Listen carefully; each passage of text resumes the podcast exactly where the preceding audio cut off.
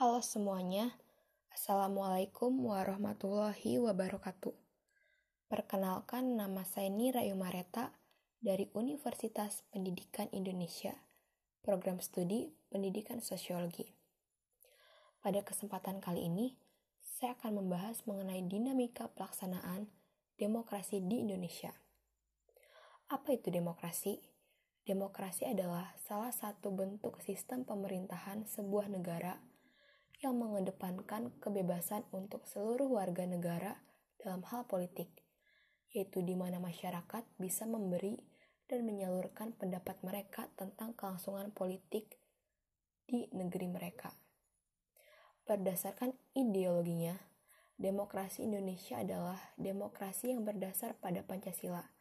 Maksudnya adalah kedaulatan atau kekuasaan tertinggi ada pada rakyat yang dalam penyelenggaraannya dijiwai oleh nilai-nilai Pancasila. Demokrasi Indonesia juga merupakan demokrasi konstitusional. Selain karena dirumuskan nilai dan normanya dalam Undang-Undang Dasar 1945, Konstitusi Indonesia juga bersifat membatasi kekuasaan pemerintahan dan menjamin hak-hak dasar warga negara terdapat 10 pilar demokrasi Pancasila yang dipesankan oleh para pembentuk negara Republik Indonesia sebagaimana diletakkan dalam Undang-Undang Negara Republik Indonesia tahun 1945. Yang pertama, demokrasi yang berketuhanan yang Maha Esa. Yang kedua, demokrasi dengan kecerdasan. Yang ketiga, demokrasi yang berkedaulatan rakyat. Yang keempat, demokrasi dengan rule of law. Yang kelima, demokrasi dengan pemisahan kekuasaan negara. Yang keenam, demokrasi dengan hak asasi manusia. Yang ketujuh, demokrasi dengan pengadilan yang merdeka. Yang kedelapan, demokrasi dengan otonomi daerah. Yang kesembilan, demokrasi dengan kemakmuran. Dan yang kesepuluh, demokrasi yang berkeadilan sosial.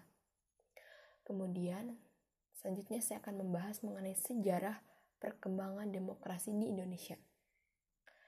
Yang pertama, demokrasi pada periode 1945 sampai 1949. Pada masa ini, demokrasi terbatas pada berfungsinya pers yang mendukung revolusi kemerdekaan.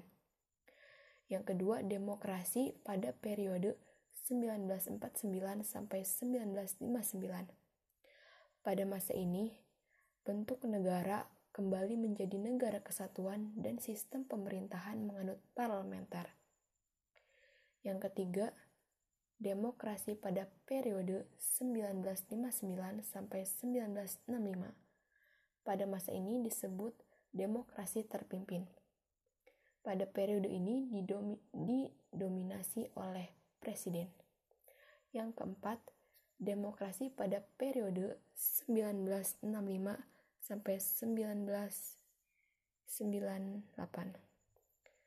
Masa ini disebut masa Orde Baru dengan konsep demokrasi Pancasila.